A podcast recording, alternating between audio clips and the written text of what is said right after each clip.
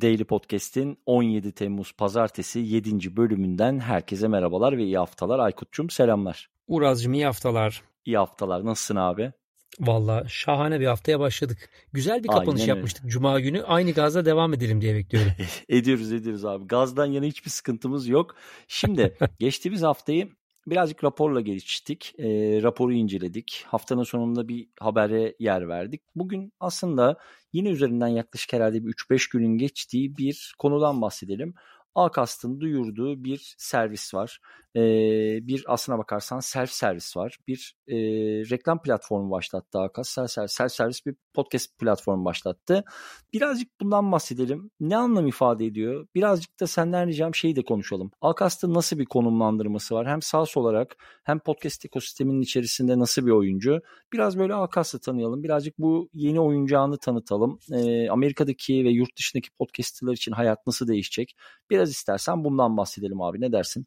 Süper tabii ki girelim. Acast aynı Spotify gibi yine e, aynı ülkeden çıkmış e, Spotify'ın ülkesinden çıkmış girişimlerden bir tanesi. 2014 yılında kurulmuş şirketlerden bir tanesi. Aslında e, podcast hosting ana yaptığı şey podcast hosting. E, işte gelir modeli ve büyümeleri için yayınların büyümeleri için aslında e, bir takım olanaklar sağlayan firmalardan bir tanesi. Yoğunluklu olarak markalar ve medya ajanslarına reklam satın alma yapabilecek bir e, aslında self servis bir podcast reklam satış e, çözümü sunuyor şu anda. Biliyorsun daha evvel dinleyicilerimizin de belki bir kısmı biliyordur ama bilmeyenler için tekrarlayalım. E, Birçok aslında podcast reklamı daha evvel ya manuel yolda ya da firmalarla arka taraftan aslında yaptığınız konuşmalar, yazışmalarla yapılan reklam e, değişimleriyle ve satın almalarıyla yürüyordu. E, bunun gibi birkaç tane daha firma var. Mesela Lipson'ın Advertise Cast'i gibi firmalar var. Ama yoğunluklu olarak Dur. büyük ölçekli firmaların... Şuraya bir makas atayım izninle. Şunu mu demeye çalışıyorsun? Yani biliyorum ama tekrar edelim. Normal Tabii şartlarda ki. podcast'inde reklam yayınlayabilmek için ya platformlarla anlaşman gerekiyor ya Doğru. markayla anlaşman gerekiyor ya da toplu bir e, marka ve reklam satın alma ajansıyla anlaşman doğru. gerekiyor. Değil mi? Doğru. Türkiye'de doğru, de model doğru. hemen hemen benzer. Peki şöyle söyleyeyim doğru. daha basit sorayım. E, Acast'ın bu modelinde ve diğer modellerinde bir podcaster'ın hayatında ne kolaylaşıyor ne farklı işliyor ve atıyorum mesela gelir modellerinde mi bir farklılık oluyor yoksa Acast'ın buradaki marketplace'ine dahil oldukları zaman o yayıncının hayatında ne değişiyor abi? Şöyle diyebiliriz aslında. E, Akas dışındaki servislere kayıt olmak istediğinde ve yayınını satmak istediğinde Amerika özelinde konuşalım bu arada. Türkiye biraz daha farklı. E, yayınının e, çok daha yüksek rakamlara ulaşıyor olması lazım ve daha yüksek bütçeli reklam hacimlerine satış gerçekleştirebiliyor e, birçok firma. Fakat Akas şunu sağlıyor yeni platformu ile beraber.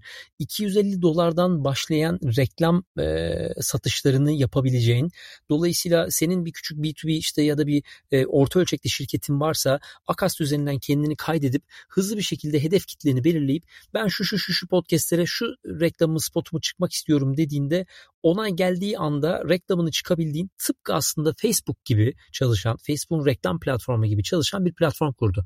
Dolayısıyla çok daha düşük bütçelere, çok daha küçük ölçekli firmalar kendi reklamlarını kendileri girip hedefleyebiliyorlar. Bunu mesela e, şu an işte şeyde yapamazsın. E, Lips'in Advertise Cast'te yapamazsın. Sirius XM'le iHeart'la yapamazsın. Orada büyük markalar ve büyük satın almalar gerçekleştirmek durumundasın. Dolayısıyla bu küçük ölçekli firmalara bir anda çok ciddi bir reklam kapasitesini e, ve podcast e, kataloğunu onu e, bu firmaların eline açıyor ve kendi kendine kendi ve, reklamlarını test ederek aha. farklı sonuçları alabiliyorsun.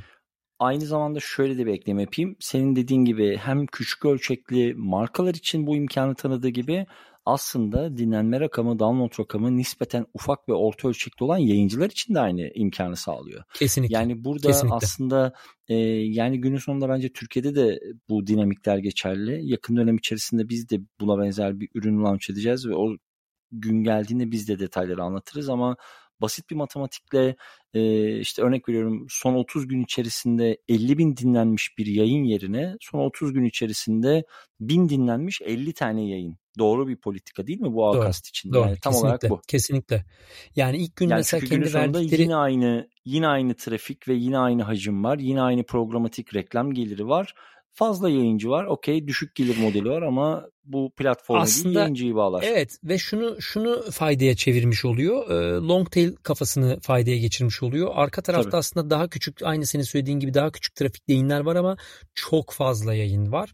Onların da her birinin aslında gelir modeline oturtmuş oluyor. Böylelikle o yayıncılar da kendileri para kazanıyor. Aynı zamanda da markalar çok daha fazla e, daha ya da daha büyük bir kataloğa erişim imkanı sağlıyor. İlk gün işte 150 marka bizi kullandı ve yaklaşık %40'ı e, tekrardan e, bu kampanyaları kullanmaya başladı diye bir açıklama yapmışlardı ilk hı hı. yayınladıkları gün. Çok bence önemli oldukça ama. önemli. E, bir de tabii şey için önemli bence Uraz. E, mecrayı markalar ya da işte küçük markalar yeni yeni anlamaya çalıştığında ya da bence büyük ajanslar için de geçerli. Girip bir şeyi test edebilmeleri, deneyebilmeleri ve faydaları kendi kendine görmeleri bence olabilecek en avantajlı şeylerden biri. Böylelikle daha büyük ölçekli iş yapmak istedikleri zaman zaten enterprise sales'e gelip e, işte bizler gibi satış ajanslarına ya da işte podcast networklerine ulaşıp daha büyük projeleri birlikte yapabiliyorlar ama kendi kendilerine de bunu görmeleri bence Türkiye içinde, yurt dışı içinde bence çok önemli. Katılıyorum. İlerleyen günlerde şeylere de bakalım abi olur mu? Yani özellikle böyle Alcast gibi marketplace'ler çünkü günün sonunda mesela geçen hafta ne konuştuk? İşte Stitcher'ın tutunabilme, tutunamama hikayesi gibi. Bu tarz marketplace'lerde de şöyle handikaplar olacak ve oluyordur da diye düşünüyorum. Şimdi Spotify'ın bir gelir modeli var. Arkadan çok kuvvetli bir YouTube geliyor. Zaten kendi başlı başına hani yayıncı bazlı reklam ve gelir modellemesi üzerinde dünya lideri ve dünya devi. Bu kadar büyük oyuncuların yanında Acast gibi farklı marketplace'ler hangi yayıncıya ve hangi markaya ne sunacak? Bunların da karşılaştırmalarını yapalım Aykut olur mu? Kesinlikle. Bir de bu arada onun üzerine bir şey de ekleyeyim Uraz. E, bence Türkiye'deki yayıncılar için de geçerli. E, bunu her eğitimde mutlaka konuştuk ama lütfen ve lütfen gelir kazanamıyorum diyen yayıncılar dahil olmak üzere yayınlarınızın bir gelir modeline oturtulabilecek bir altyapısını oluşturmanız şart. Bugün e, Spotify belki Türkiye'de şu an reklam modelini açmış değil ama yarın çat diye bu açıldığında ya da bizim gibi networklerle çalışmaya başladığınızda geçmişe dönük bütün e, kataloğunuzun üzerinden geçip reklam noktalarını tasarlamak gerekiyor. Boşlukları tasarlamak gerekiyor ve bunları işaretlemek gerekiyor. Bence şimdiden kendileri bunu planlarsa, yayın içeriklerini buna göre hazırlarlarsa çalışmak gerekiyor. Aynen öyle ya da bizim gibi bir networkle çalışırlarsa hayatta bir daha kolay olur. E, çünkü reklam geliri kazanayım dediğiniz gün gene de reklam alamıyorsunuz. Bütün bu geriye dönük kataloğun üzerine bir daha çalışmak lazım. E, bizimle değil başka bir yerde çalışsanız gene aynı şey olacak. İngiltere'ye yayın yapsanız gene aynı şey yapacaksınız. Dolayısıyla iş gene yayıncının eline düşüyor. E, o stratejik planlamayı yapmak zorundalar. Ee, burada tabii çok detaya girmeyelim ama günün sonunda Aykut'un bahsettiği gelir modellerini elde edebilmek için programatik reklamcılık ve programatik ses e, enjeksiyonuna izin veren bir podcast altyapısı kullanmanız gerekiyor. Bunu da hatırlatmakta fayda var. Bu da önemsiz Kesinlikle. bir detay gibi gözüküyor olabilir ama bahsettiğimiz şeyler aslına bakarsanız yüksek teknik kabiliyetler ve yüksek maliyetler getiren şeyler. E, dolayısıyla bu tarz şeylerle podcast'inizin gelir modeli, podcast'im artık ufak ufak dinleniyor, adından söz ettiriyor dediğiniz bir nokta varsa da lütfen Aykut'la ve benimle iletişime geçmekten çekinmeyin. urazetpodfresh.co, aykut.podfresh.co adreslerinde sizleri bekliyor olacağız. Aykut'cum eklemek istediğim bir şey var mı? Sanırsam bu kadar. Süpersin. Ağzına sağlık. Teşekkür ediyorum. O zaman Senin Daily öyle. Podcast'in çok teşekkür ediyorum. Daily Podcast'in 17 Temmuz bölümünden herkese bizden bu kadar diyorum ve çok öpücükler. Aykut'cum yarın görüşürüz. Görüşmek üzere.